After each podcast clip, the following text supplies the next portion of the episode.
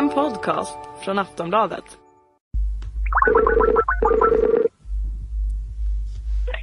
Hallå? Hej My! Jag sitter i min brorsas studio och vi lyssnar på senaste avsnittet av Flumskolan. Och vi spelar ju alltid in live. Ja. Och typ det värsta som kan hända är ju att någonting ska gå fel rent tekniskt eftersom vi bara kan göra det typ en gång. Och nu har det hänt. Nej, det blev vad har du något- gjort? Nej men det blev något teknikstrul på slutet. Och, så att vi tappade typ sista kvarten av avsnittet. Okej. Och det här blev jag ju rätt desperat över. Men sen så kom jag på att du har ju läst den här boken.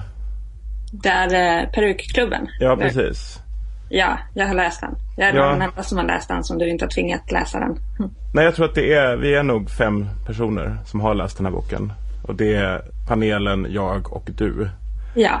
Så jag tänkte så här att, att, att den där sista kvarten så får du vara vikarie för Henrik Torehammar, Maria Sveland och Moa Lundqvist. Funkar det? Absolut. Det vill jag vara. Så vi kör igång programmet nu och sen så tar du och jag bara vid där när Perström slutar tala helt enkelt. Mm. Låter det okej? Det låter bra. Ja, men då kör vi.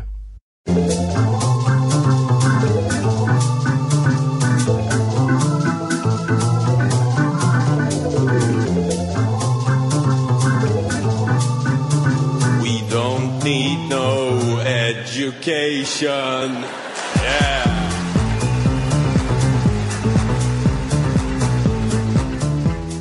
Välkomna gott folk till det 23 avsnittet av Flumskolan, Sveriges mest folkbildande podcast. Flumskolan är som vanligt ett samarbete mellan Aftonbladet Kultur och Galago och spelas in inför en, som alltid, helt fantastisk publik här på Kägelbanan i Stockholm. Inskrivna hos mig i Flumskolan idag är Moa Lundqvist, Hej. komiker i Tankesmedjan i P3. Henrik Torehammar, programledare och journalist. Och Maria Sveland, journalist och författare.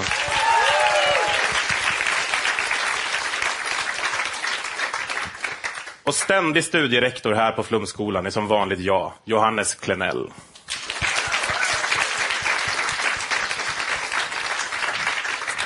Alla här runt lägerelden är kanske inte gamla nog att minnas Per Ström. Men för cirka fem år sedan var han jämställdhetsdebattens svar på Random göteborgare. I många år dök Per Ström upp precis var fan som helst för att förmedla sitt budskap. Vi frågar oss då, är män diskriminerade? Absolut, det finns ett antal exempel på det. Det börjar redan i lagstiftningen där män är den enda grupp som är systematiskt missgynnad. Och sen finns det ju många exempel i politik, myndighetsutövning. Det finns till exempel många starta eget-bidrag som bara kan sökas av kvinnor. Det finns alla möjliga typer av stöd för forskare på högskolor som bara kan sökas av kvinnor. Det finns stöd för filmregissörer som bara kan sökas av kvinnor. Alltså självklart, all diskriminering är lika allvarlig. Och eh, jag är medveten om att för hundra år sedan så hade kvinnor begränsade juridiska rättigheter. Ta tack gode gud så är det eliminerat nu. Och nu har det vänts i sin motsats. Alltså det här tåget som har satt en väldig fart i hundra år på att eliminera den situationen har gått över gränsen. Ja, det, det här med löneskillnader mellan kvinnor och män, vad säger du om det? Ja, men det är väldigt intressant att du tar upp det. Jag har aldrig sett någon tjänstebeskrivning där det står att för detta jobb så har män 30 000 i lön, kvinnor har 22 000 i lön. Det är precis den typen av formell diskriminering där det står skrivet att könen behandlas olika som jag tar upp i boken Mansförbjudet. Och där är det männen som gång efter gång efter gång eh, drar det kortaste strået och drabbas. Du pratar om strukturer, du pratar om sånt som inte syns, som du påstår finns. Jag skriver i boken Mansförbjudet om sånt som är belagt. Ja, ungefär så här höll han på. Per Ström var en del av det aktiva samtalet genom sin blogg Genusnytt. Fram till 2013, till 2012 då han förkunnade att han skulle lämna offentligheten. Bakom sig lämnade han ett antal papparättshaverister och det alltmer bortglömda konceptet jämställdist. Ett koncept för alla de som vill framstå som lite, lite mer passivt aggressiva än alla idioter som kommer fram till en på en fest och glatt utbrister Varför vara feminist när man kan vara humanist? Per Ström och jag själv har även ett förflutet som för rättvisans skull bör nämnas innan vi börjar. Det var så att Per blev lite upprörd över en intervju med mig i Dagens Nyheter där jag pratade om mitt förlag Galago. Och där jag berättade att vi under ett antal år hade jobbat med kvotering. Anledningen till det var att vi ansåg att som två män i maktposition så måste man ibland reflektera över hur man gör sina val och se över vad som händer med dem. Och det vi kom fram till var att vi behövde hjälp och ett verktyg för att kunna jobba mer jämställt och bli bättre på våra arbeten. Perström skriver så här. Förlaget som har antagit en antimanspolicy här är en nyhet som är ett år gammal men lika aktuell ändå. Serieförlaget Galago har antagit en antimanspolicy. Det handlar om långtgående kvotering av kvinnor på flera sätt. Johannes Klenell som är redaktör på Galago säger att det egentligen inte råder någon brist på kvinnor som gör serier med hög kvalitet. Det är istället den manliga grabbighetskulturen som gör att kvinnor inte kommer fram, inom citattecken. Kvinnorna finns, men männen ser dem inte, menar Klenell. Åtta album av kvinnor och tre av män. Det är ju ganska långt gånget på vägen mot jämställdhet kan jag konstatera. Det återstår ju bara att göra något åt de där tre männen. Klenell är starkt negativ till att diskutera kvalitet med journalisten. Man anar att Klenell fått frågan många gånger om inte kvalitet bör gå före kön. Jag hade aldrig fått den överhuvudtaget. Johannes Klenell säger i DN-artikeln att män generellt har svårt att se kvinnors skapande. Att svårt att se, ni är lite dåligt skrivet där, den kvalitet som faktiskt redan finns, utan låser istället fast sig i sin egen manliga värld. Med kvoteringsverktyget har vi istället hittat nya konstnärer vi kanske aldrig sett. Vi måste se ett större perspektiv än vår eget, säger Klenell. Det råder alltså ingen motsättning mellan att välja det som har bäst kvalitet och att kvotera kvinnor enligt Johannes Grunell. Se där, ett fint exempel på kraftfullt jämställdhetsarbete alla 2011. Sitter du och filar på en seriebok som du vill ha utgiven? Är du dessutom medlem av det grabbiga och problematiska könet? Skicka den i så fall inte till Galago. Där har du minimal chans. Alltså jag, jag reagerade ju lite på det här och blev lite sur. Och tyckte att ja, men det här var en jävligt konstig grej att skriva. Plus att jag fick några mejl eh, och sådär av folk som tyckte att vad fan är det här? Eh, det lustiga var att män som tecknar serier har aldrig klagat över det här överhuvudtaget. För att det det innebar var att det gavs ut fler seriealbum i Sverige. Inte att det fanns tio män som hade kunnat göra det istället. Så jag tänkte så här, vad fan ska jag göra nu? Och det är inte riktigt min väg att gå, att, att, att ge mig in i debatten genom att tänka lite. Eh, så jag, jag, gjorde ett annat tankeexperiment och tänkte att jag skulle kommentera Ström på ett, ja, men inte helt moget sätt kan man väl säga. Vilket ledde till den här rubriken. Ett förlag kallar mig Rötna pisshuvudet. De feministiska angreppen på mig går mot en allt lägre nivå. Det bryr jag mig inte om så länge det rör sig även om enskilda, om enskilda personer som bara representerar sig själva. Då står jag över det. Men om någon slags institution slänger okvädningsord omkring sig blir det intressant som ett samhällsfenomen. Samhällsfenomen. Uh, därför väljer jag att blogga om att serietidningsförlaget Galago, ägt av koncernen Ordfront, har gått till angrepp mot mig på sin officiella Galago-blogg, Galago-bloggen.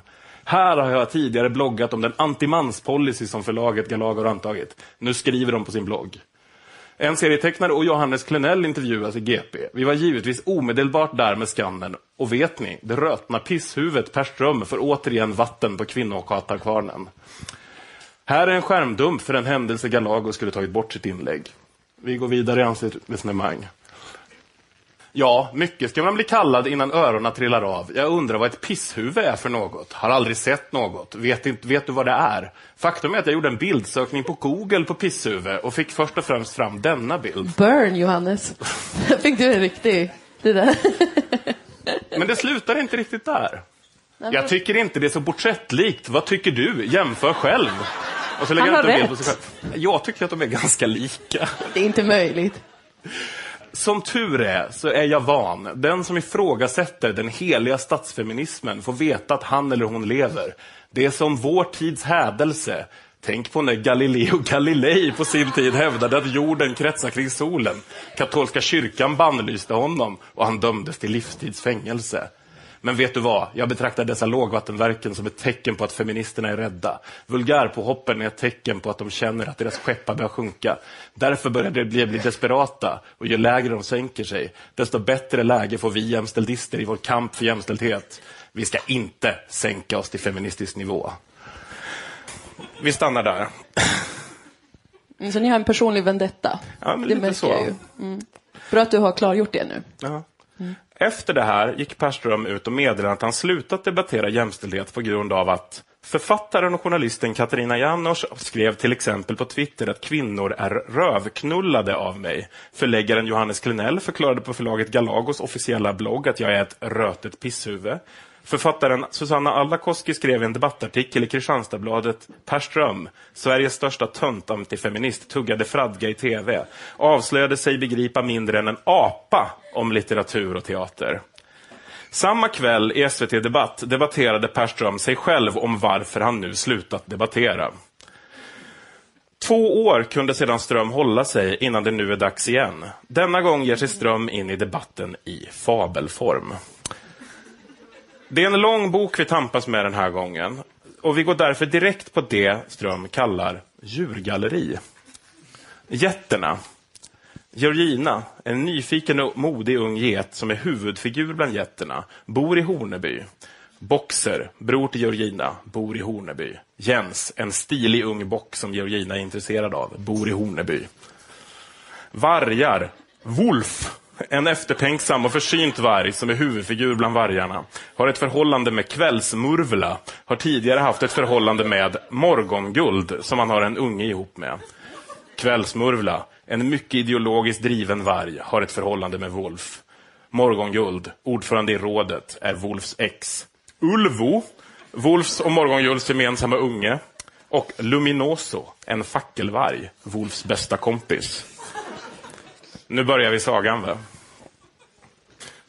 Det var en gång ett avlägset land som hette Eklandet. Där bodde många djur. De flesta invånare var getter som alla bodde i toppiga hyddor. Getterna var fördelade på tre byar. Horneby, där den här sagan tar sin början.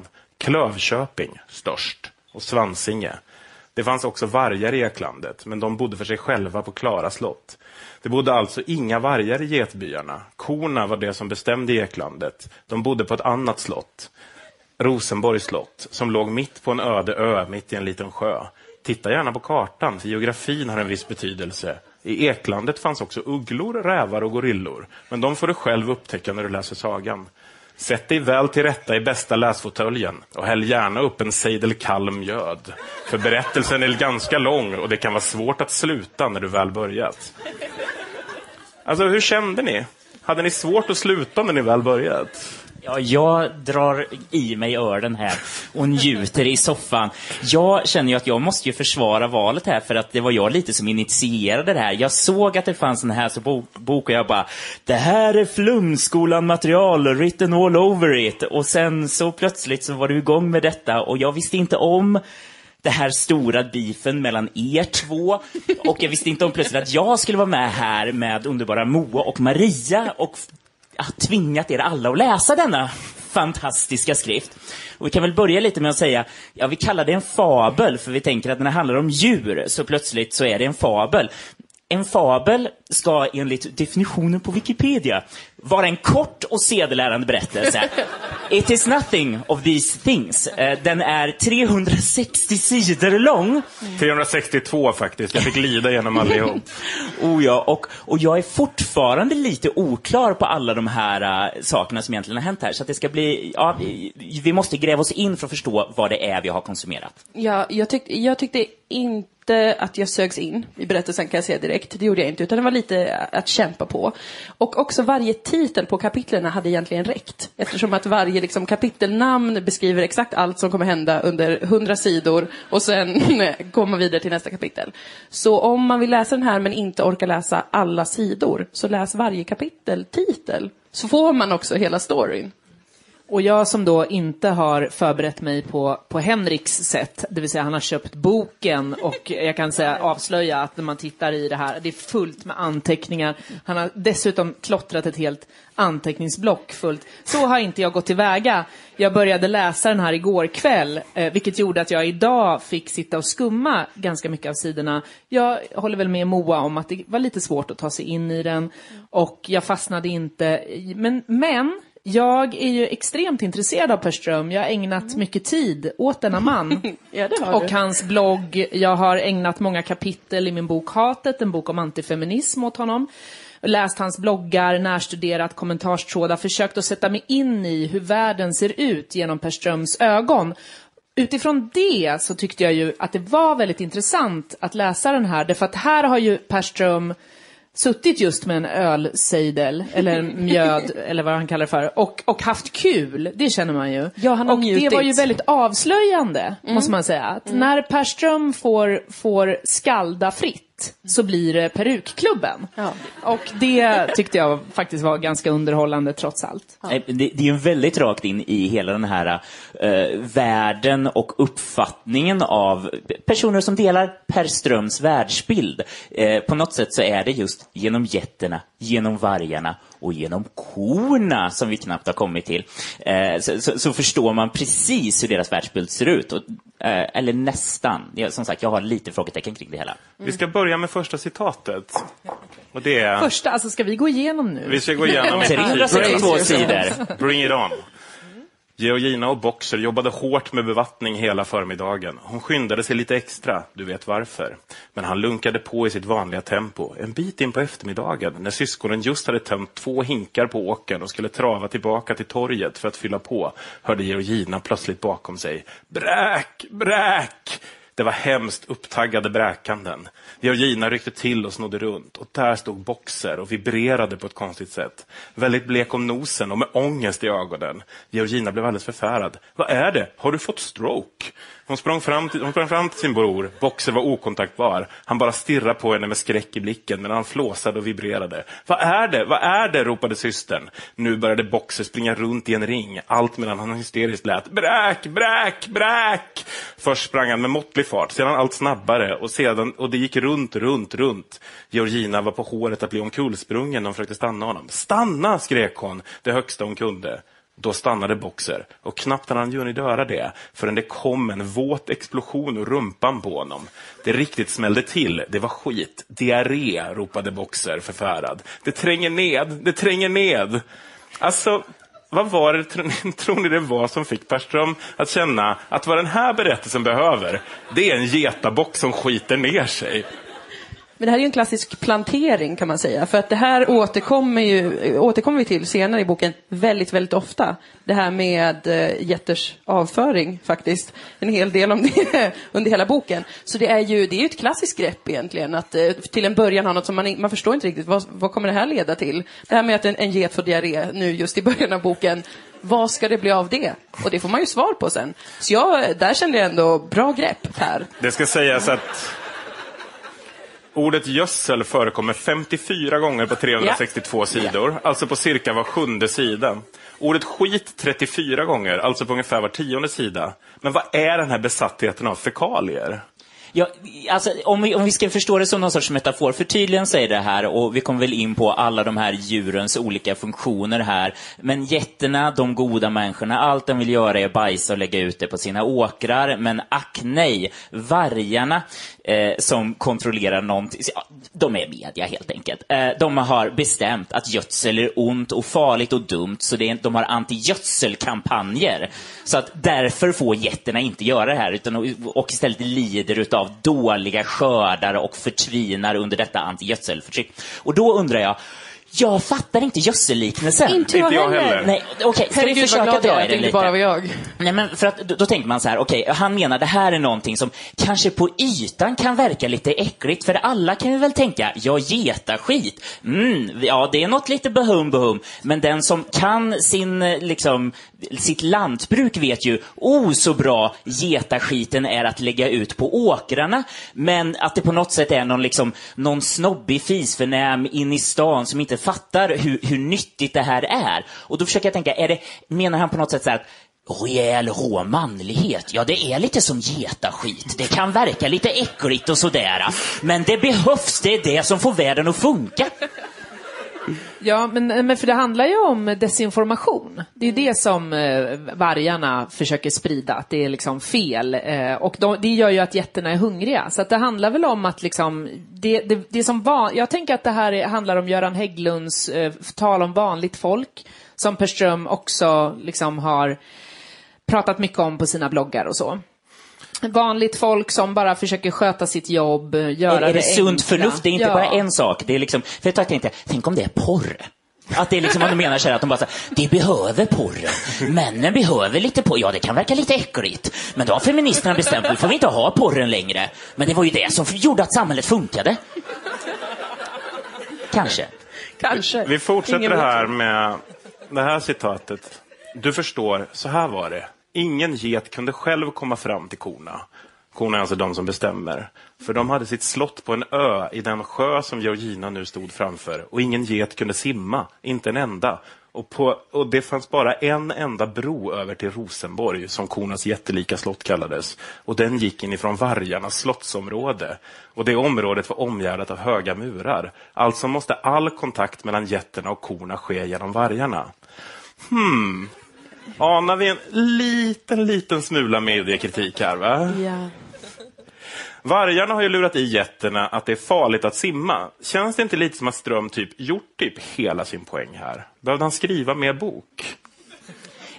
Ja, för någonstans, jag är fortfarande, återigen, nu blir jag väldigt bokstavlig, för då är det återigen, det är ett gödselförbud och det är ett simningsförbud. Mm. Och då är det så här, vad, har ni fattat, vad är, vad är simningen för Ja, men det är att man inte ska kunna kontakta makten. Ja. Men vad är något det i sånt. verkligheten? Vad är det som har Att du förbjudits? inte lär dig skriva motioner i skolan kanske. Det, Precis. är oerhört det gjorde man ju alltid förr i tiden. Förr i tiden så var det fri motionsrätt för hela Sveriges befolkning. Sen kom det feminister och förbjöd denna fria allt motions... det. Typiskt. Ja, men, eller jag försökte tänka så här, eller är det någon sorts, är det folkomröstningar, är det direktmakt, eller är det återigen någon större metafor för att folk fick bestämma saker själv vid köksbordet tidigare, men det förbjöds. Eller nej, ja, nej, den är jätteoklar också igen, hela simningsmetaforen. De två getterna var nyfikna på om det hade hänt något i Eklandet, så de vände blickarna mot skylten. Den satt utanpå slottet, en bit från valspråket, och förmedlade nyheter, information, råd, krönikor och liknande. Vargarna kallade det kvalitetsinformation. Alla skyltar var likadana och det stod exakt samma sak på dem. Skyltarna sköttes med stor omsorg av vargarna. Ja, faktum är att just skyltarna var vargarnas stora grej. Det var de som vargarna levde för. Georgina och Lisa såg ingen mer rörelse bakom fönstren och fortsatte läsa på skylten. Dess nästa rubrik var Grå jätter tar alldeles för mycket plats i Svansinge. Georgina slog ner blicken. Det fanns vita, svarta och grå jätter i Eklandet. Och alla visste att de grå utgjorde ett problem. Inte bara grå jätter för övrigt, utan grå djur av alla arter. De var mer egoistiska än djur av andra färger och de kunde inte uppföra sig. Bråkade och ställde till och var, med, pro- och var problem. Var intensiva och jobbiga, tog plats och var i vägen. Tråkigt det där i Svansingen, sa Lisa och såg nedslagen ut. Jag tänker att vi grå djur alltid ska ta så mycket plats. Man skäms. Hur kände ni inför det här med Perströms försök att jämföra grå djur med... Ja, vad fan är det han försöker jämföra dem med egentligen? Återigen de här oklara liknelserna. Nej, men den, är- den är väl den mest klara liknelsen. För det är ju vita männen, de vita heterosexuella männen, som är de grå jätterna. Som i Per Ströms värld eh, blir anklagade, kollektivt bestraffade. För det är ju så han, han upplever, att det är framförallt vi feminister som har anklagat och eh, kollektivt bestraffat alla vita stackars eh, heterosexuella män. Så det är ju de grå. Och de får ju inte, sen blir det ju ännu värre med liknelserna, de får ju inte ens andas. Eh, för att de, de, de får på sig någon experiment där de sätter på sig något konstiga, där de inte ska försöka att inte ta upp så mycket syre och sådär. Och, och jag tror på riktigt, alltså nu måste vi ändå tänka att det är Per Ström som har skrivit det här och han har suttit och, och liksom helt fritt fått fabulerat. Och då, det är ju så här han på riktigt känner det. Att vi vita kränkta män eh, är helt åsidosatta, vi får inte ens andas, vi får inte uttala oss, vi får inte, vi blir så fort vi tar plats så blir vi liksom bespottade och så vidare. Så det var väl ändå en... Ja, Ja, det jag, var- jag tyckte ändå att det var en av de mer klara. Men jag undrar, vad är det tänkt, för och nu blir det hela uppbyggnaden utav denna spännande Eklandet-värld. Var det ett gråvälde någon gång? Var det de grå djuren som styrde och ställde och på något sätt hade en historisk skuld? Nej, men det Nej, för det tycker ju inte han. Det tycker ju inte han heller. Han hävdar ju att patriarkatet är en feministisk floskel. Så i Per Ströms värld så har ju patriarkat, det har aldrig rått ett mansförtryck. Eh, det har aldrig liksom varit ett patriarkat som dominerar, det finns ingen könsmaktsordning och så vidare och så vidare. Så att det är ju helt i linje med Det är bara hopplös elakhet. Det är- alla Ja, andra. det är bara Ja. ondskefullhet. Ondskefull, Med, ondskefull med jätternas fantastiska eh, glosa, det här är pälsism. Ja, Rasism. pälsism mot och sexism. Vi besöker vargarna. Och vargarna är upprörda och håller rådslag. Ja, vad är det för lögner de sprider? Halvmånen, frågade en svart hanne. Halvmånen titt riktade blicken mot denne. Med en andhämtning som antydde en stor sinnesrörelse fortsatte halvmånen. Det är fruktansvärda saker. De kommer ju med lite olika lögner, de olika desinformatörerna. Jag har skrivit upp tre jätter på min lista och bra! De vi biter vi strupen av, ropade en vit tik med väldigt mycket utsmyckning. Hon heter Kvällsmurvla och satt intill Wolf. Skärpning Kvällsmurvla, ropade Morgonguld och bankade ordförandeklubban två gånger i bordet, vilket fick flera vargar att hoppa till.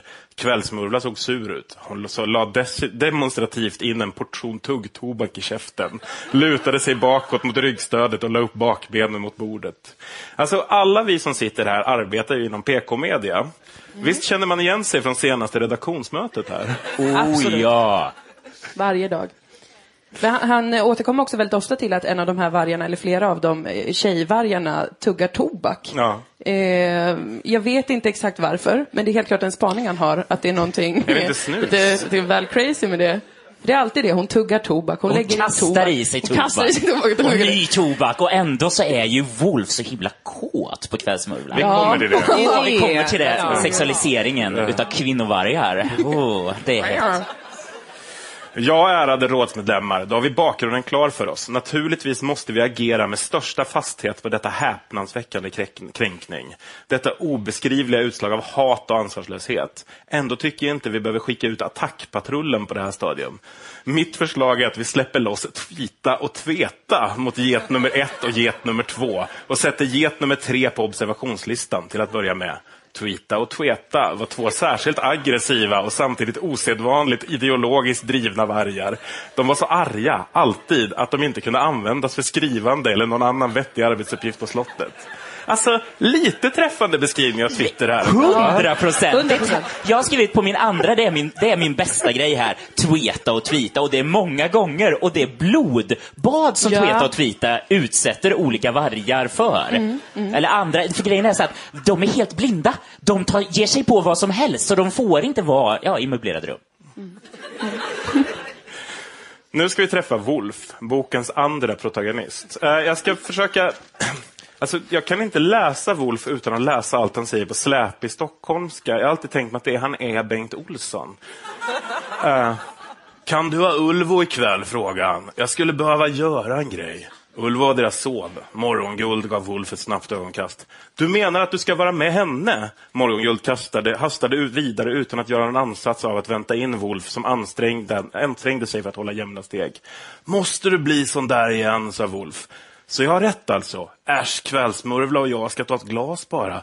Och sen ska hon hjälpa mig med synpunkter när jag spelar. Ha, jag vet nog vad det betyder. Men du vet ju att Symfonivargen har gått med på att träffa mig om eventuellt medlemskap. Symfonivargen var dirigent och konstnärlig ledare för Ulvsymfonikerna, vargarnas stora orkester. Hon hade Wolfs öde i sina tassar och eftersom Wolfs stora dröm var att bli trumpetvarg i Ulvsymfonikerna Wolf, som egentligen hette Wolfgang Amadeus, var en utpräglad musikvarg. Alltså, han är varg, han är musiker. Klart han heter Wolfgang fucking Amadeus. Men vad tyckte ni om Perströms fantasi när det kom till att ge sina karaktärer namn? Maria? Nej, men det är ju helt fantastiskt hela tiden. Eh, Ja. Men det jag ville säga där var ju också att jag tycker det här också är så här klockrent exempel på hur Per Ströms eh, liksom, maktanalys av världen ser ut på riktigt. Därför att i hans analys av världen så är det ju så att eh, jag menar, de, jämställdisterna är och var väldigt lierade med papparättshaveristerna. Liksom. Och, och vårdnadstvister i Per Ströms värld är ju ett av de ultimata bevisen för att feministerna systematiskt diskriminerar och, eh, män och har makten över män. Eh, så att det här, det, kom, det återkommer på flera ställen, de här stackars vargarna som kämpar med sina före detta och sådär, över vårdnaden och så. Eh, och, och ja, det, blir, det är svårt för dem, för de har ju de här ondskefulla före detta fruarna. Som, Alltså jag hatar Wolf så mycket. Jag blir så provocerad av Wolf. Uh, för jag säger det värsta är när Wolf ska vara en duktig pappa. Och För för jag citerar lite här, för då kommer Ulvo in. Jag måste kissa! Han började vicka fram och tillbaka med överkroppen. Måste du det då? frågade Wolf. Ja, jag måste! Kunde du inte sagt det nyss medan vi väntade på maten? Behövde inte då. Nej, kan du klara dig själv? Nej, pappa, du ska komma med. Man kunde ana en antydan till en suck innan Wolf reste sig upp och försvann med Ulvo. Och just där tänker jag så här, att man tänker, Ja, han gick med sitt barn på toaletten. Vilken jävla superpappa. Där har ni feminister som tror att vi inte bryr oss om barnen. Ibland när barn inte har skött sig, de, vi frågade om de skulle kissa. Och, då, ja, och så gick vi med dem igen. Sådana här saker uppstår så många gånger med Wolf som gör att man vill döda honom flera, flera gånger. Och hans jävla husdjur! Muso. Efter Wolf så kommer Muso. Ja, Muso är Fy väldigt fan vad man vill karaktär. kasta Muso till de här jävla ugglorna som inte ens har Ja, och kommit varför till. äter ingen av de andra vargarna upp Muso? Det är allting är Varför väldigt- har vargen ett husdjur? Kan du svara på det? Jag förstår inte. Jag tror att det är för att han är en fin kille, Wolf. Han ska vara en fin kille. Han har en liten, liten mus med sig som han älskar väldigt mycket. Det blir problem med att ha Ja. husdjur sen. Och även den vill ju kvällsmurvla döda. Alltså, Ja, hon vill såklart. hans, eh, så att kvällsmurvla vill ju inte bara... Hon tjafsar även om Muso. Ja.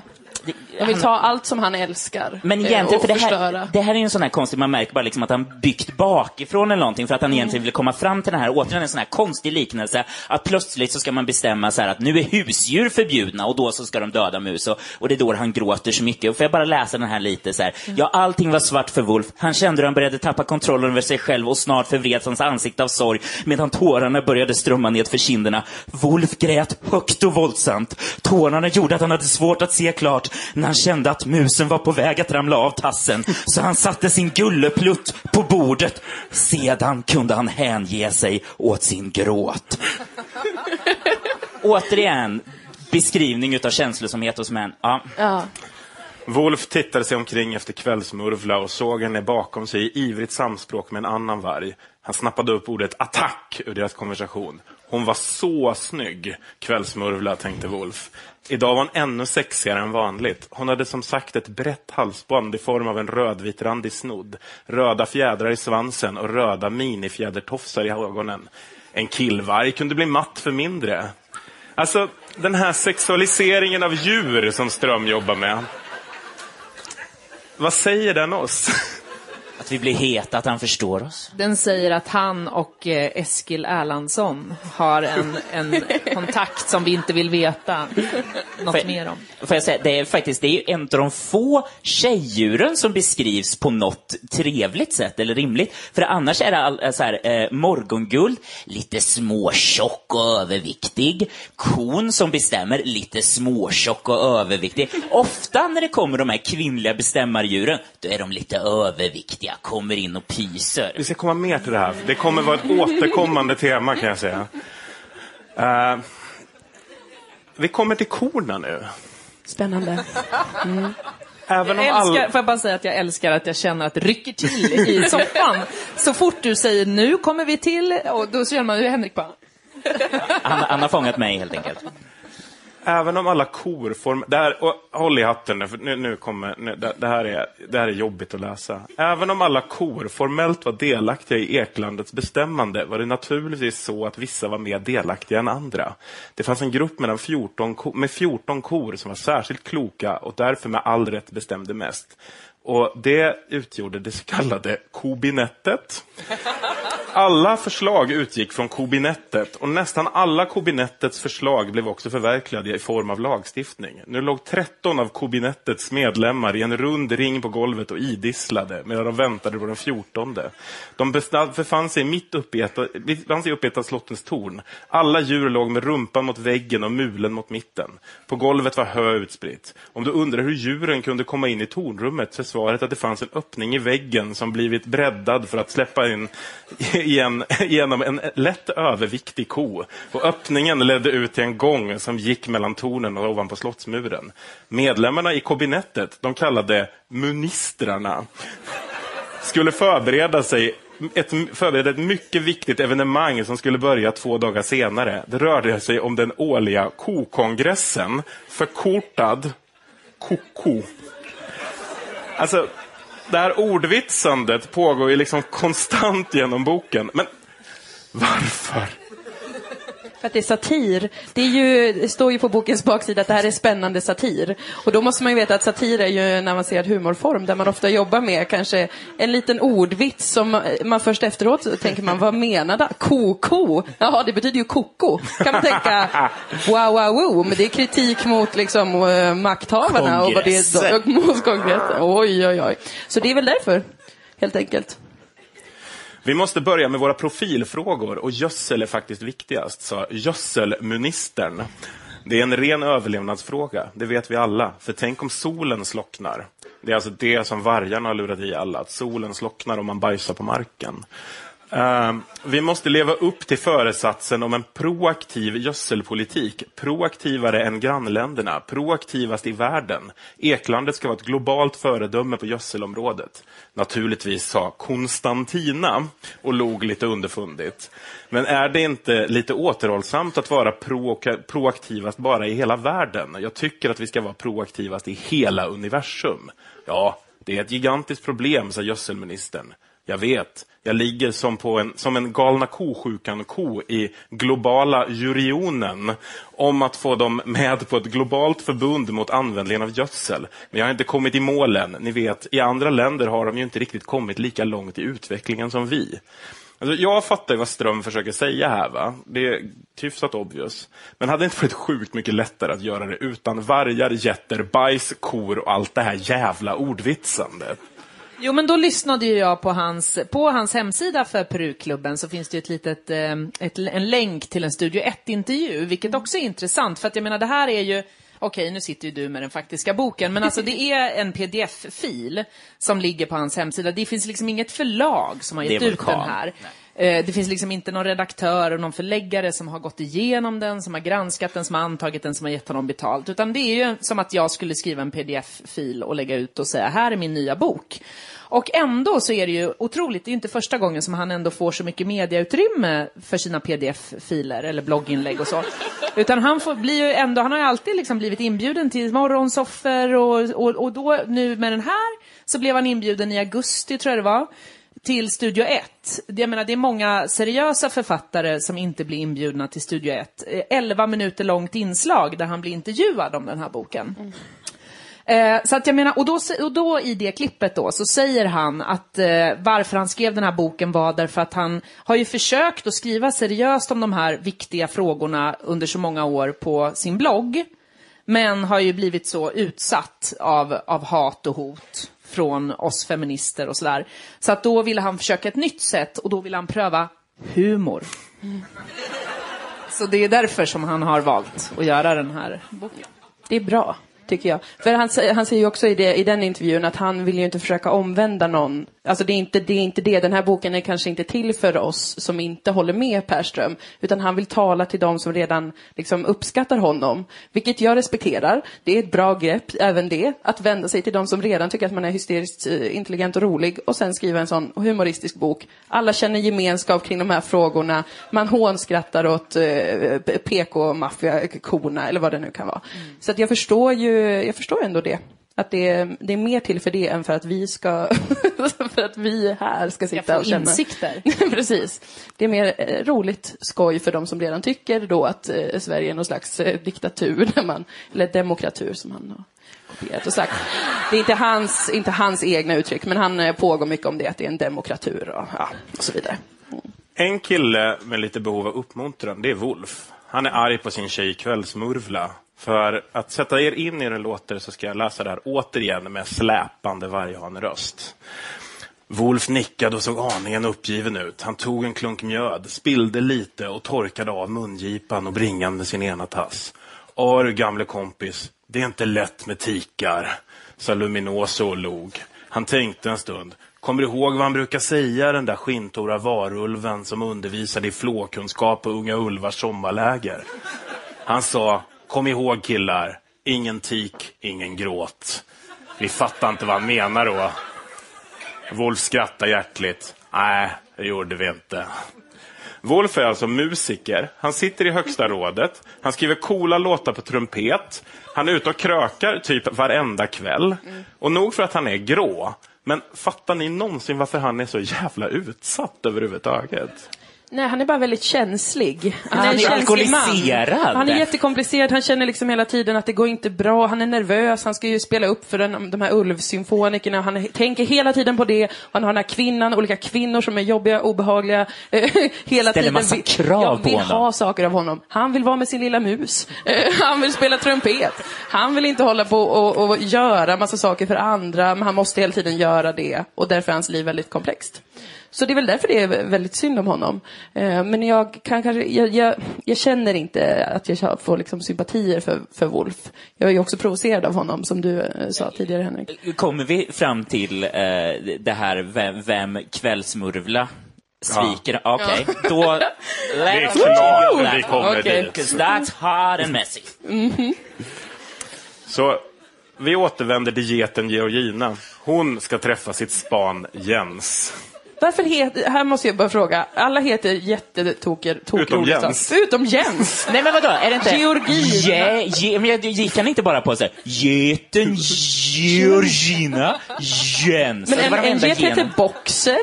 Men är en det en är- flört med Animal Farm, alltså djurfarmen och Orwell? Är det någon sån Det konstig är så många dimensioner, jag har ingen Ja. aning längre. Herregud vad avancerat Per.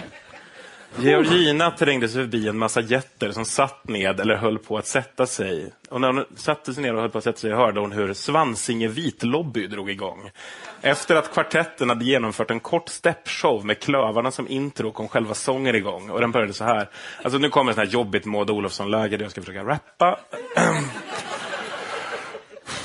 Alla jätter som är grå, bäst ni säger snabbt hej då. För här ser ni vita djur som ska sätta er i bur. Ja, vi hatar er så mycket. Vi ska slita er i stycke. Alla jätter som är grå, för er blir det snart ridå. Georgina slutade lyssna.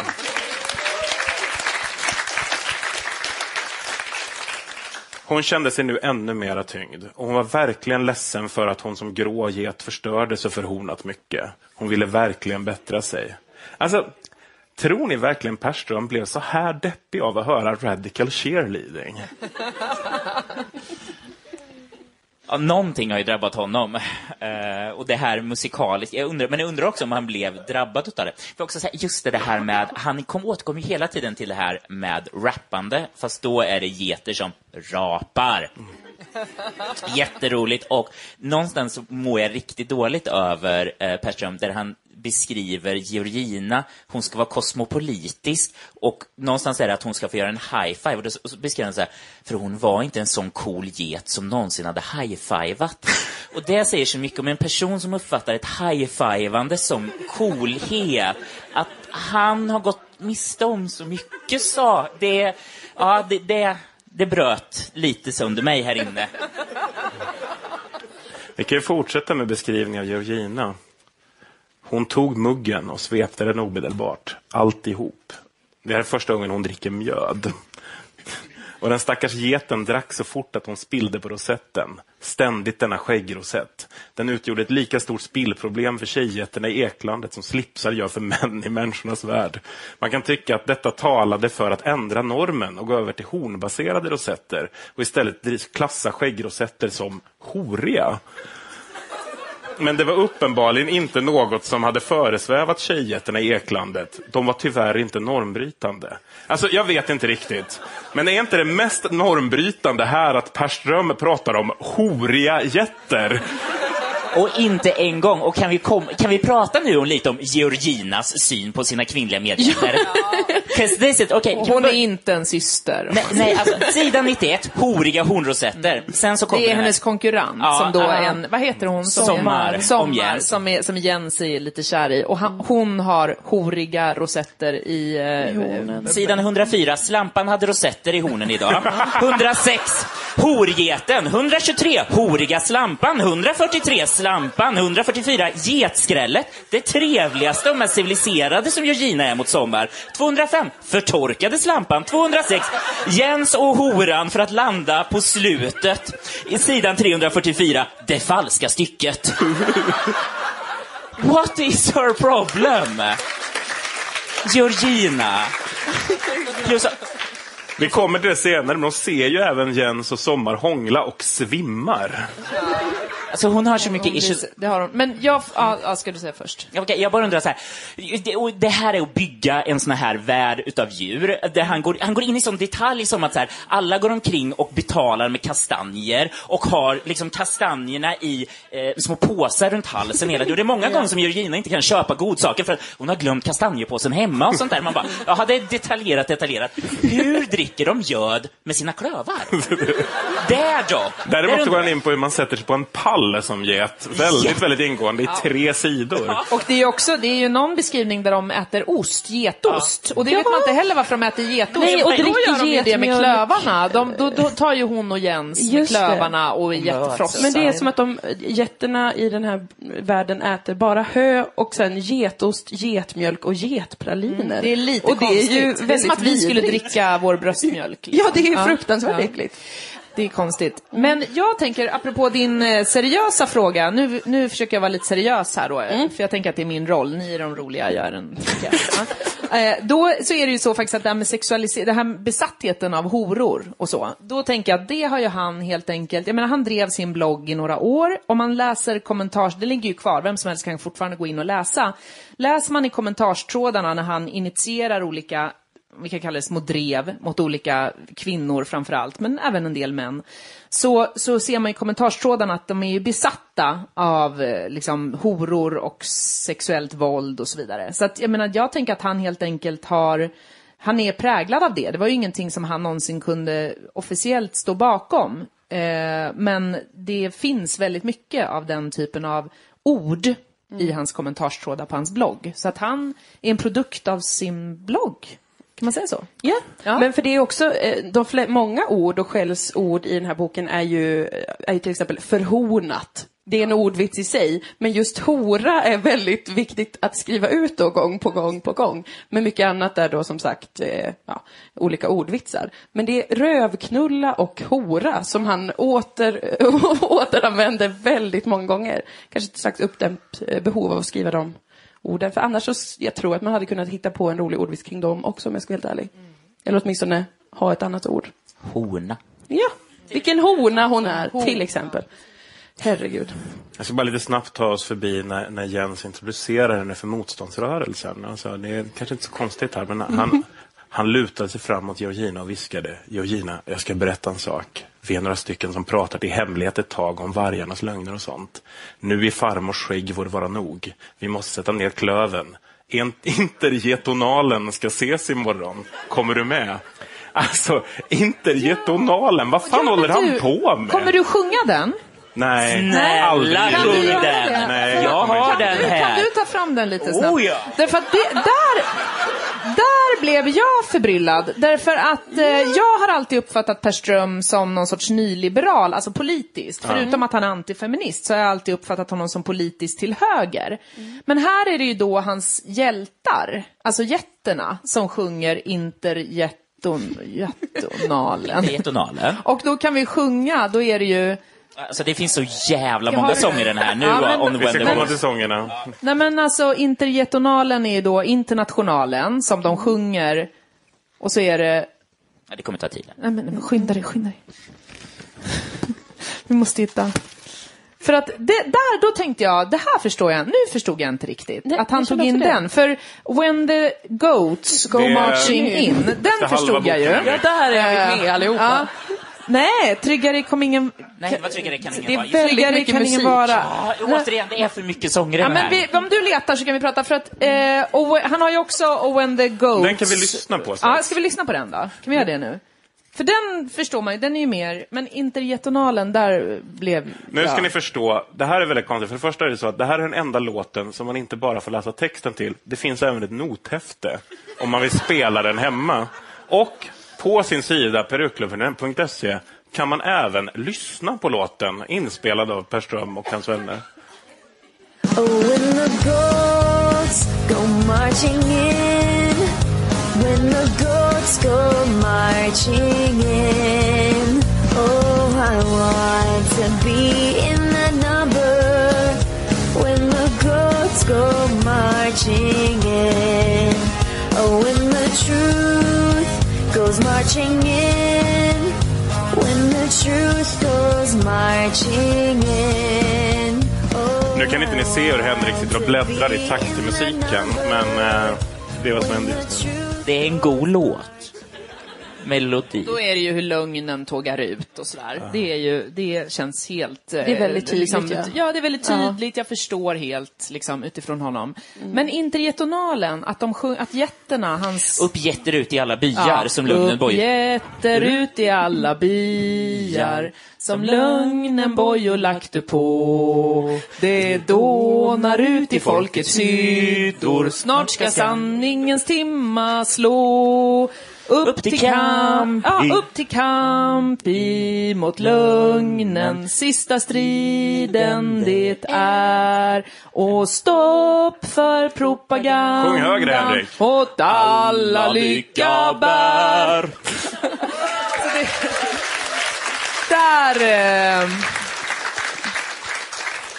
där blev jag förvirrad. Hur tolkade ni eh, det? Men för grejen är att sen så dissar han ju getterna på slutet. Att jätten är dum i huvudet. han det. personligen... Det kommer vi till. Okej, ja precis. Att undra, jag, jag undrar hela tiden om att han har lurat oss alla att den här folkliga socialistiska revolutionen, det var för pöbeln, för de puckade jävla getterna.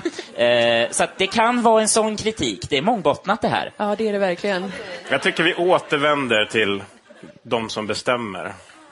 Korna var nämligen bjudna till vargarna på fest. För att det fanns något att fira. Och för att manifestera sin samhörighet med vargarna hade alla kor spänt en mask för sitt ansikte med bilden av ett vargansikte. Alltså jag vill inte vara sån, här, men kopplingen är ju lätt, lätt att göra till vad Ström menar här. Men är verkligen Niklas Svenssons jävla födelsedagskalas ett bra exempel på PK-Sverige? Ehm, ja, jag vet inte, men jag, jag blev också provocerad av det. Så jag relaterade till eh, den syrliga tonen Per hade där med de här... eh, Ja, men- När, när vargarna och korna festar ihop, då tycker jag också, nej men hallå där, stopp och belägg. Han är Ehm, all, de är aldrig på Almedalen, va? Nej, Nej. det har han missat. Det har missat. Det hoppas det blir en uppföljare. Kanske lite längre nästa gång, 400-500 sidor. Så inte kan dyka ner i hur korna klättrar upp och ner på olika saker. Hon var vrålsexig den kvällen, tyckte Wolf. För det första hade de färgat hela sin vita päls svagt rosa. Bara det gav honom andningssvårigheter. Han hade också, hon hade också en gyllene rosett om halsen, flera halsband med röda eterneller och dessutom stora röda fjädertofsar i öronen. Wow! Wolf blev alldeles matt när han tittade på henne, vilket han gjorde titt som tätt i smyg eftersom hon kunde bli irriterad av att bli betraktad. Alltså, sakta men säkert är det väl någonting med Ström som blir rätt påtagligt. Va? Alltså att han antingen tycker att feminister eller djur är väldigt, väldigt sexiga. Jag är väldigt nyfiken, också, vem är det här då? Så Är det Rebecca och Fiona? Är det, hur ska vi tolka det hela? Och också det här jättekonstigaste, eftersom vi får så mycket liknelser och metaforer, så också det här med att de här vargtikarna hela tiden har fjädrar i hår, eller i, ja, i pälsen, handlar om att det är någon som har fått för sig att det är en stöd, solidaritetshandling med fåglarna som tvingas sova stående. Just det. Det här, återigen, det här förstår jag inte. Vad, vad är det? Är det någon speciell modedetalj som han menar är, den är absurd? Är det, är det bröstcancer? Vad är det han menar? Men, men alltså, nej, det vet inte jag heller. Det, jag håller med, det är jättekonstigt. Du har nyckeln till hans hjärna. Du måste berätta nu. Varför tar inte du ditt ansvar, Maria? Jag vill säga en annan sak om sex, hans besatthet av, av sexualisering av kvinnor. Därför att han har ju en, en sån här, att- ett, ett annat exempel som han skriver om, apropå eh, varför det är män som är, alltså apropå ett exempel på mansdiskriminering. Det är att kvinnliga musiker kan spela på sin sexualitet på ett sätt som inte män, manliga musiker kan. Han har aldrig sett Justin Bieber. Det är ett exempel, det är ett seriöst exempel som han nämner. Ja. Så därför så är det, det är manliga, det här med att man pratar om sexualisering av kvinnliga musiker, nej, nej, nej, nej. Det är någonting de spelar på, tjänar pengar på och gör berömmelse på. Medan de stackars manliga popstjärnorna inte kan spela på sin sexualitet. Så han, är ju, han, han har ju en, i hans värld så spelar kvinnor mycket på sexualitet. Det är helt tydligt. Ja, men för det är väl ganska insinuant här då att hon har spökat ut sig och gjort sig till och sen Ja. blir hon irriterad om någon tittar på henne. Ja, Precis. så. De är så och- dubbla de där feministerna. De vill både vara snygga, men sen när någon tittar på dem, då kan Ja, man få säger vad fräsch du ser ut idag, ja, då blir det bråk direkt. Ja, det är typiskt feminister. Tvi dem. Vi kanske ska gå på lite mindre subtil satir. Ja, låt oss... Låt oss sluta upp med den här analys, analysen av det här oerhört subtila. Ungefär samtidigt pågick något viktigt i skogen en bit söder om Klövköping, närmare bestämt i ett törnsnår kallat Södra Törnsnåret. Forskarugglorna hade sitt månatliga fly-in, vilket helt enkelt innebar att de flög in från sina respektive ekar för att ta möte. Nu satt alltså hela eklandets forskarsamhälle, ett tjugotal ugglor, i det där snåret och konfererade. De hade varit på plats hela dagen och avhandlat viktiga frågor. På två kvistar i mitten satt de fyra fåglar som utgjorde nationens forskarelit. Det var doktor Lysenka, en tofsdvärg-uv. Professor von Hochdenker, en hökuggla. Doktor Jennus, också hökuggla. Och professor Baltasar, en skräckuggla. Det flaxade till i ett nafs var docenten borta. Den tomma grenen vajade. Strax hördes åter ett flaxande och så satt forskaren där igen, nu med en bit pergament i näbben. Här är beviset, sa hon. Doktor Lysenka började läsa utantill, långsamt och formellt. Observation 1. Vi har inte använt gödsel i eklandet på ett antal år. Observation 2. Under precis samma år har solen lyst med oförminskad styrka. Det är ett vetenskapligt faktum. Slutsats 1. Alltså kan man rädda solen genom att låta bli att använda gödsel. Och därmed, kära forskarkollegor. Alltså, Södra Törnet och professor Jennus. Jag vill verkligen inte dissa Ströms höga nivå av humor här, men det här är rätt svag satir, va? Det är väl också någon forskaruggla som heter Eva-Britt? Någon, någon gång, eh, som kommer senare. Då tänkte jag ju på Ebba Witt. Jaha. Wow! Jag gjorde inte alls den kopplingen. Men här också, jag är väldigt fascinerad över att han bara så rakt på att markera så här, att alla forskare ugglorna, de ljuger hela tiden. Varje gång. De kan inte göra någon forskning och sen till slut när de blir lite stressade bara, vi hittar på, det går lika bra. Det är ju bara forskning. Man bara, nej, men okej. Hur går Georginas uppvaknande då? Jo, hon får träffa majoren. Den nyanlände lät blicken gå från get till get runt bordet. Ingen sa någonting och ingen rörde sig. Den nya geten var långsam med en enbasröst som man kunde tro skulle få stenväggarna att vibrera. God kväll, tvivla jätter. Alltså, varför håller jag på och röstskådespelar? God kväll, major, svarade de andra i korus, förutom Georgina förstås. Hon var ju inte insatt i ritualerna. När han fått reda lite på hur Georgina kände till, in, vad Georgina kände till inledde han en föreläsning. Och det var ord och inga visor det. Georgina var helt tagen när majoren till slut tystnade. Hon bara stirrade. Menar du att vargarna ljuger, sa hon. Har jätter skägg, svarade majoren. Och att man kan använda gödsel helt riskfritt. Majoren nickade. Men hornen ramlar inte av, avbröt majoren.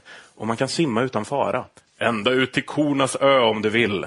Men, men, forskningen då? All forskning? Som jag sa, min tös. Man kan tyvärr inte lita på forskarugglorna heller.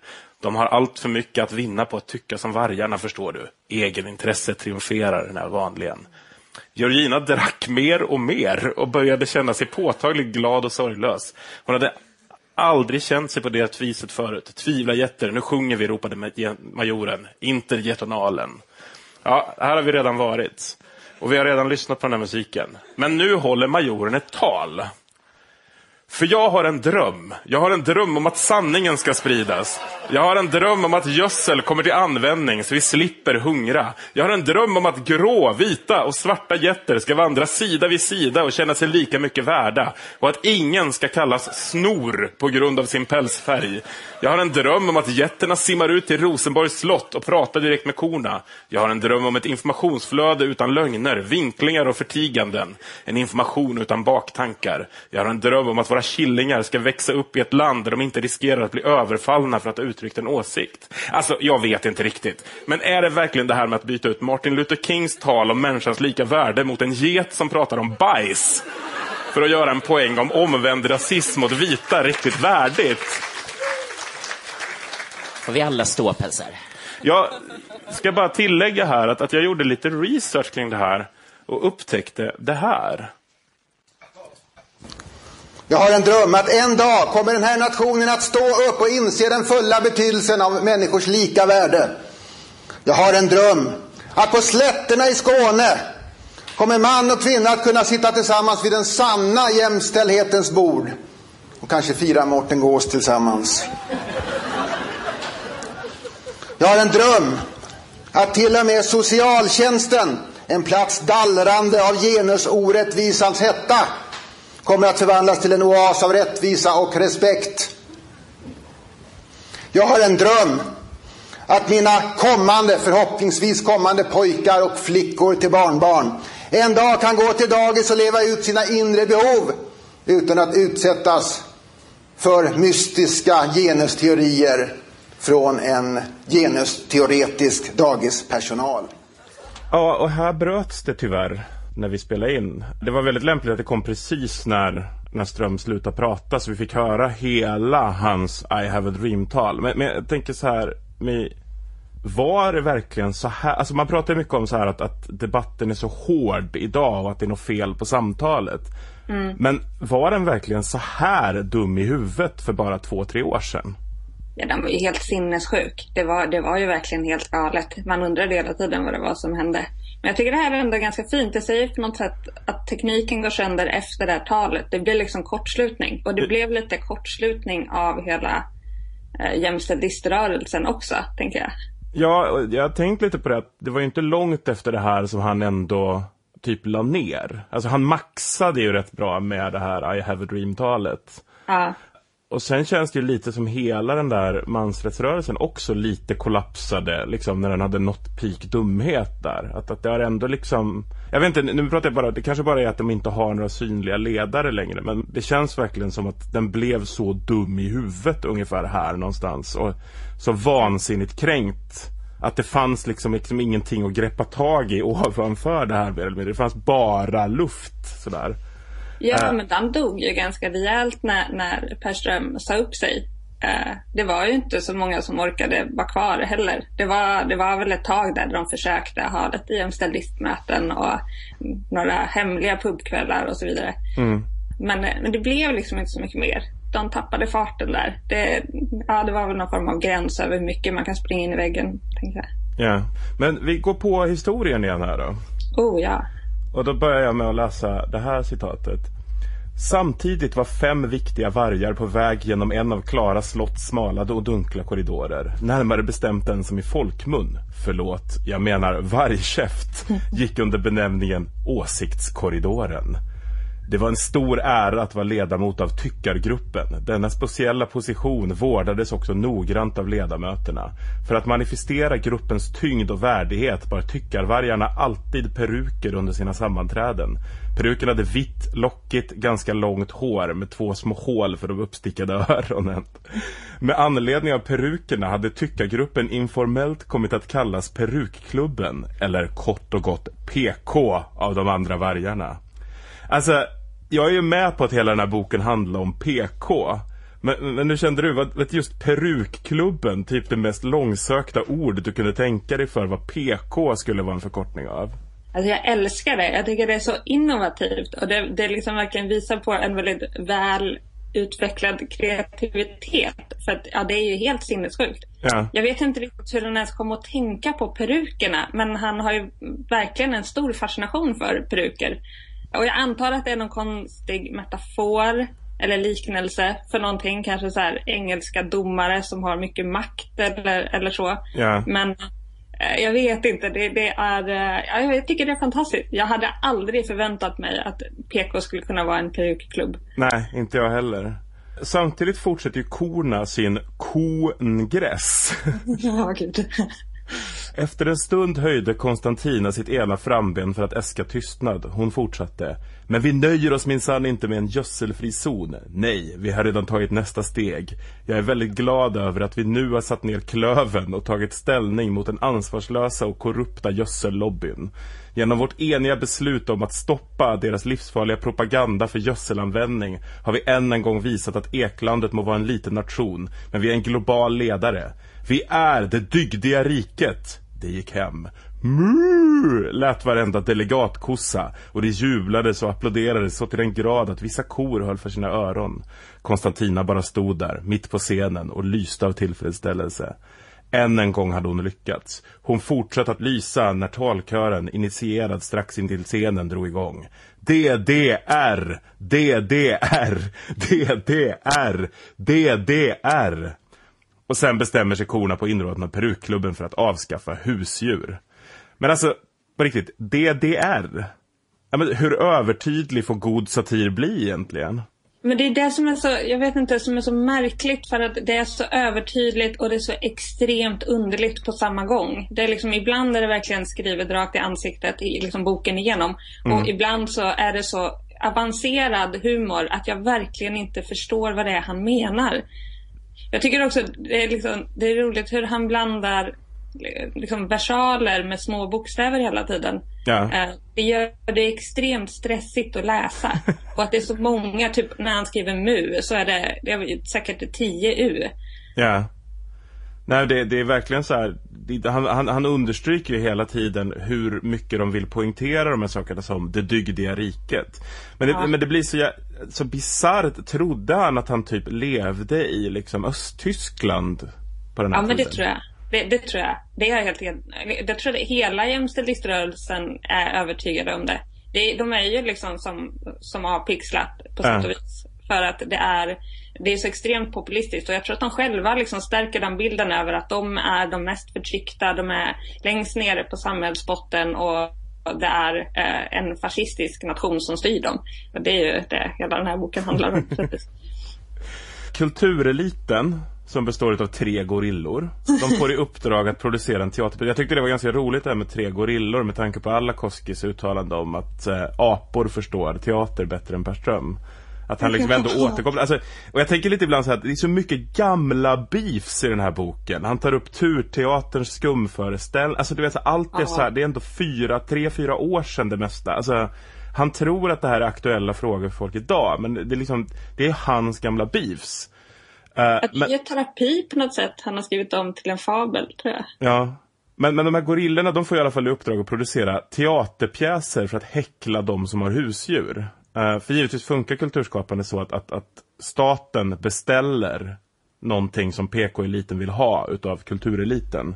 Och då skriver han Hato och den ena av de andra två gorillorna, Håna, brast ut i skratt. Det gjorde även Wolf, fast med en viss fördröjning. Kul idé, sa Hona. Hon var en brun Cross River-gorilla med mycket kortare päls än Hato. Hona var stolt grundare av Hånteatern som förra året hade fått Stora Kulturpriset av korna för sin enastående nytänkande och konstnärligt fulländade pjäs där den kontemporära samhällskritiken applicerades ur ett intersektionellt maktperspektiv präglat av mångfald och transversella synergier. Så löd motiveringen. Pjäsen gick ut på att en get inledde föreställningen med att säga att hon hade lust att ta en simtur, varpå geten blev upphängd i bakbenen i ett långt rep och dinglad fram och tillbaka av ett halvdussin gorillor som överöste henne med glåpord och skrek att hon var ful.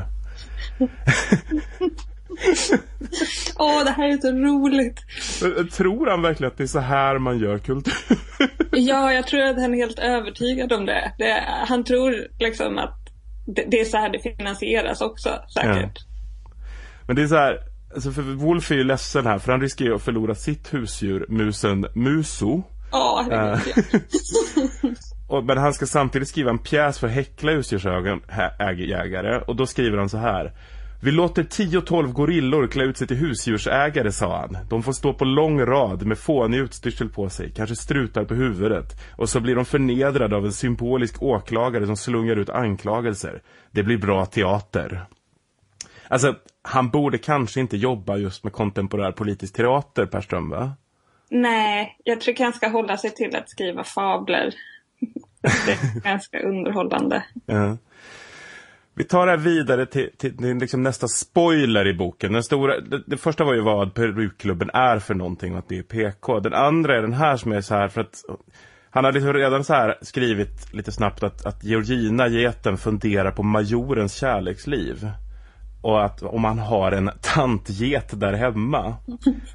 Och då skriver Per Ström att Georgina därvidlag visade prov på en motbjudande heteronormativitet hade hon ingen aning om. Jätten i Eklandet var som du vet inte så utvecklade. Och jag kan inte göra mer än be om ursäkt för hennes unkna tankebanor och hoppas att du trots dessa kan tänka dig att läsa vidare.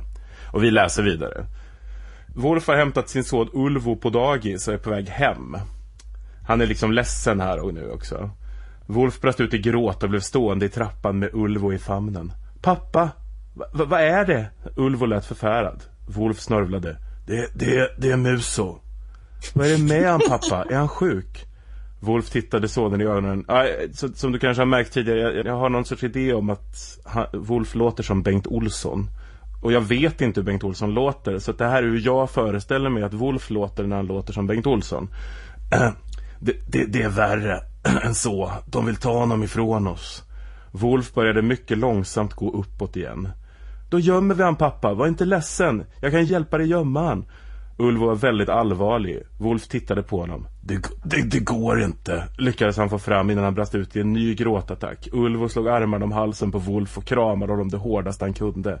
Pappa, gråt inte, jag ska hjälpa dig. Wolf tittade på Ulvo med kinderna fulla av tårar. Ja, det är tur att jag har dig.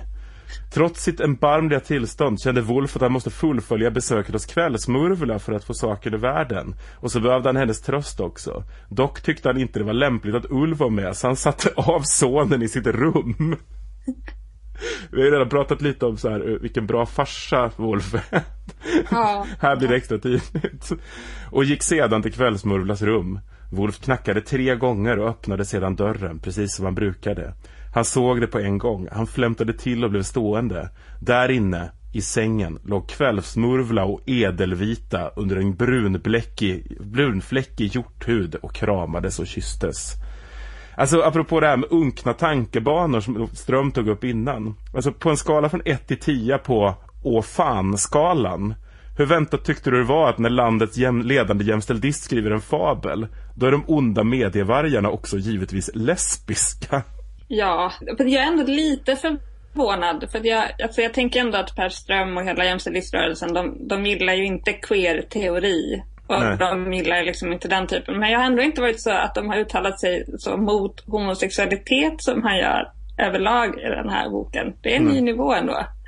Ja, det, alltså det, det känns lite så här, eller jag vet inte, är det inte det här att, att, att allt det här är skrivet ur någon sorts jag vet inte, det, det fanns några så satiriker i genomsnitts kommentarsfält som jag har tänkt en del på. Så, som jag nu börjar misstänka kanske var Per Ström själv under falska namn. det fanns en som hette Jämställdhetsfeministen som skrev ungefär på det här sättet precis hela tiden. Eh, och Ström hyllade, alltså det var en av de få gånger jag såg Per Ström var inne själv i kommentarsfälten. Mycket så. Det var för att hylla hur rolig den här jämställdhetsfeministen var. Så att jag, jag vet inte, jag var inte jätte, jätteförvånad men det kändes verkligen så här som att, nej men nu, nu drar han verkligen så här upp de stora kanonerna utav liksom markeringen utav liksom så här vad de här onda kvinnorna, för feministerna inom media är för någonting. Att det är så Ja. distanserat från den där snälla farsan som är frånskild, som ställer av sin unge där hemma för att gå och hälsa på henne. Ja, det är, alltså det är väldigt störande. Det, ja. Jätterna producerar ju i alla fall en egen skylt med ett så här, gör det själv-kit. Och de beskriver också att den, Persson beskriver också att den blir ganska ful och inte så lyckad. Och jag tänker lite att han kanske menar genusnytt här. Mm. Eh, vargarna upptäcker ju den här egenproducerade skylten som liksom publicerar sanningar då. Mm. Eh, och då vid rådslaget så står det så här. Ska vi tolerera provokationen? Hon skrek så högt att hela vargen vibrerade och rösten nästan skar sig. Nej! vrålade varghavet. Har jätterna förklarat oss krig? Ja! Ska vi ge dem arslena vad de tål? Ja! Är vi i krig med dem? Ja! Kvällsmurvla gjorde en paus. Hon tittade ut över varghavet och alla bästars ögon var riktade mot henne. Sedan lyfte hon på sina båda framben till en gest och vrålade långsamt och med betoning på varenda stavelse. Kriget är igång! Det bröt ut ett öronbedövande jubel. Vargarna ylade som om hela fullmånen hade landat på borggården. De hurrade och applåderade. Allt var ett enda kaos med jublande framben i luften och många vargar hoppade jämfota eller dansade runt med varandra två och två. Alltså, vargarna anfaller ju sedan och dödar sådär en 20 stycken jätter. Mm. Tror du att det här var någonting som genusnyttgänget var övertygade om var så här en överhängande fara? Eller är det typ mest samma sak enligt dem som blir så här dissad på Twitter? Jag tror att, att, att bli dissad på Twitter är liksom ungefär lika illa för dem som att bli dödade. Ja. 20 av dem. Men det är också konstigt för att i deras kommentatorsfält på alla de här jämställdhetsbloggarna så hyllar de ju bara varandra. Mm. Eh, så att jag förstår inte hur de kan känna sig riktigt så utsatta när de ändå har en rätt en skön klubb som hyllar dem varandra hela tiden. Jag, jag förstår inte riktigt varför de känner att de måste bli hyllade av precis alla. Det är lite Nej. konstigt. Men det är väl den här kränkthetsfaktorn som faktiskt blir ganska tydlig. Det kan ju också vara en metafor för att de kanske har en, en pubkväll och det kommer dit feminister och vill diskutera och förstöra allting när man ska hylla varandra. Var du på någon av de pubkvällarna? Ja, det var jag. Eh, det verkar ha varit ganska intressanta tillställningar.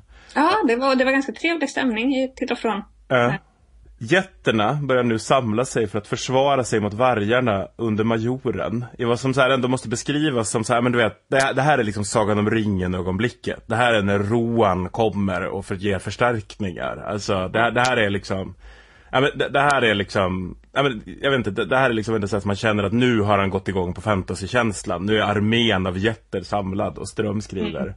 Han samlar sig nå- i någon sekund eller två, inte mer, medan han blickade ut över det jättelika och knäpptysta gethavet. Elden lyste upp de närmaste djuren, men annars kunde man bara se ögon lysa i mörkret. Massor av ögon var det. Och så hornen på några enstaka tjejjätter som hade använt ohemula mängder hornpolish. Alltså, det är ju ändå slutstrid. Måste han verkligen kommentera kvinnliga djurs utseende vid pre- precis varenda chans han får? Ja, jag höll ju på att dö när jag läste det här första gången. Och det, alltså det, det, det blir så sinnessjukt att han har gjort det inom parentes också. Eh, för Ja. hela den, den meningen om, om hornen och tjejjätterna, det är ju inom parentes. Ja. Så det blir så extremt, det så skiljer sig verkligen ut från resten av texten också. Det är så tvångsmässigt nästan. Ja, det känns ju inte som att det liksom inte finns en get alltså, av kvinnokön som man inte har liksom så här varit tvungen att kommentera att hon är ful eller dum eller liksom för Nej, Och det spelar mager. ingen roll om det passar in i sammanhanget eller inte, utan det bara måste in där varje gång. Det, Ja. ja. det känns tvångsmässigt. Ja. Överallt ropades slagord. Man kunde höra sådant som död åt mördarna, vargsvin och kasta ut bästarna. Några av getterna hade hittat stenar som de försökte kasta på slottets fönster. De flesta kast nådde inte fram, men en sten slog hål i ett stort och högt fönster, vilket utlöste jubel. Man kan tycka att getterna visade prov på en obehaglig aggressivitet och att det hade varit bättre om de tillämpat god gandisk icke-våldsfilosofi. Jag tycker det i alla fall. Men nu var det ju en gång för alla så att de var just jätter. Jätter är inte så belästa. Jätter har inte världens högsta IQ. Jätter går inte på högskola. Man kan inte begära hur mycket som helst av en get. Nähä. alltså jag är lite bortkollad där. Men är det så att han påstår att vanligt hederligt folk är så här rätt dumma i huvudet här?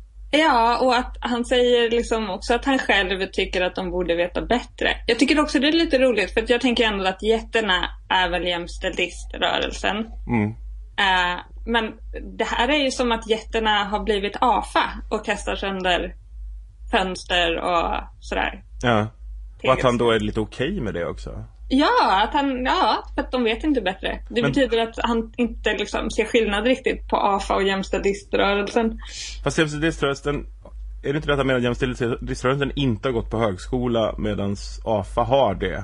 Och det gör Ja. att, att, att det inte finns några ursäkter eller argument längre. Ja, det är sant. Det är Ja. sant. Shit, det här är en ganska komplicerad bok. Det är en väldigt komplicerad bok. Eh, vi går mot slutet på boken nu i alla fall.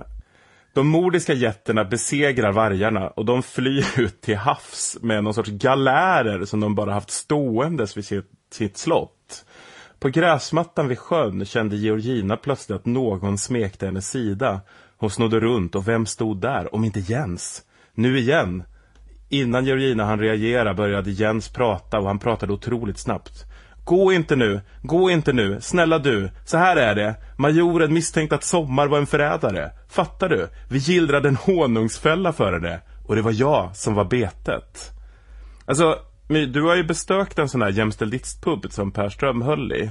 Ja. Anade du några så här apterade honungsfällor där? Nej. Nej, jag tittade ändå efter dem, men nej, det verkade torrt alltså. Ja, jag vet inte, jag, jag, jag hade lite svårt att se det här hända. Ja. Eller liksom, alltså, eller, eller att han, han, han har ju klagat mycket över att, att män inte kan använda sin sexualitet. Men det är ju det Jens gör här. Ja, gud ja. Ja. Enda kvarvarande vargarna är de tre sköna varghanarna Wolf, Ulvo och Luminoso. eh, Wolf bevisar deras oskuld genom att visa upp sitt manifest. Mycket av vårt arbete bygger på lögner och en förljugen självbild. Vi vargar låtsas kämpa för frihet och rättvisa och vi låtsas sprida sanningen i form av så kallad kvalitetsinformation.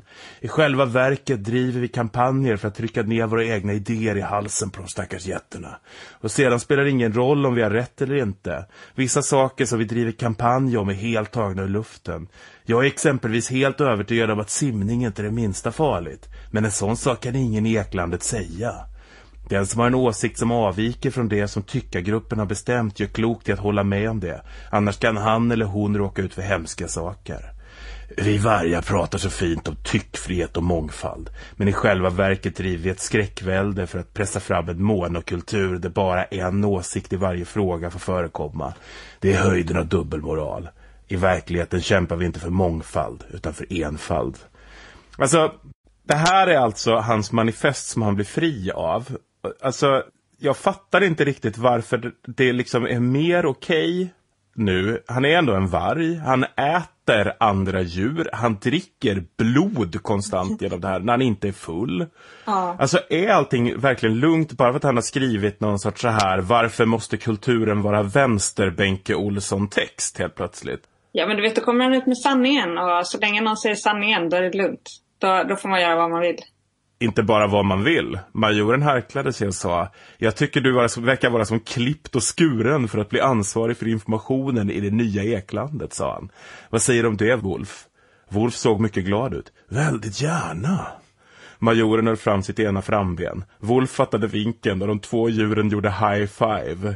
Förresten, kan du spela på den där, sa majoren och pekade på Wolfs trumpet som stod på bordet. Ja visst, jag älskar trumpet. Då har jag en fråga till dig. Skulle du vilja spela på vår segerfest?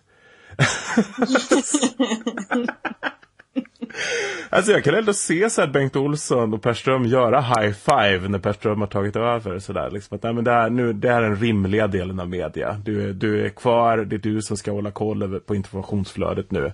Kultur Ja. ska inte behöva vara vänster längre. Någon måste säga sanningen. Och du kommer få spela, Per Ström kommer få spela trumpet. Äntligen. Ja, Eller att Bengt Olsson får. Men jag tänker det kanske är Bengt Ah. Olsson, det är lite Ulf Lundell, det är lite Mm. så här, ja, men det, det finns ju några sådana varghanar inom kulturen liksom. Som, som, Ja. Och det är väl de som, som får vara kvar då och spela trumpet och sköta informationsflödet. Ja, det känns jättebra. Jättebra samhälle tror jag. Det, det låter som en utmärkt idé. Hoppas det blir, händer snart. Och vargarna som flydde, de gick det också väldigt bra för faktiskt. De tog sig via Geta kanal.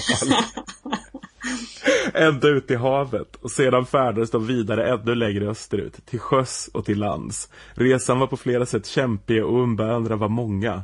Men allt kompenserades när bästarna till slut kom fram till ett land där deras arbetssätt var kolossalt uppskattat.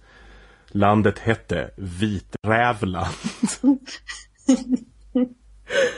och där är sagan slut. På Per Ströms hemsida för den här boken, perukklubben.se, så står det så här. Här kan du lyssna på en rappare som skrev en låt om boken i somras. Jag tänkte att det är klart vi måste lyssna på den. Ja, vi måste lyssna på den. Jag drar på den här. Everyone has the right to express an opinion without fear of consequences or attack. We the people are sick and tired of being told what to think. Let us end this, we're sick of this and tired of being restrained to the opinion corridor. We've always wanted more, not willing to be ignored. After the summer, the book, The Wig Club will be released so we can feast on the topic of freedom, opinion, and equality. I share the feeling, the problem really bothers me. Let the good prevail, read the fairy tale about the ghosts that got tired of living in fear of the dominant wolves. The message is clear, yeah, the message is clear. The Wig Club, freedom, opinion, and equality. Peru clubbing, you'll love this fairy tale. You need it in your library. Let freedom, opinion, and equality shine through and Be ready to buy or download. Peru clubbing, yeah. Hur berörd blev du av den här rappen? Jag känner mig väldigt berörd. Framförallt ganska illa berörd, tror jag. Jag tycker det det här är fantastiskt och så himla, himla jobbigt på samma gång. eh, och det är lite som att det förstör mitt huvud och att det får lite svårt att andas när jag lyssnar på den här. Jag har lyssnat på den här rappen ganska många gånger för att jag tycker om att utmana mig själv. Jag har lyssnat på den jättemycket och jag är så fascinerad. För det första tänker jag så här, det- jag älskar mest är ju perukklubben.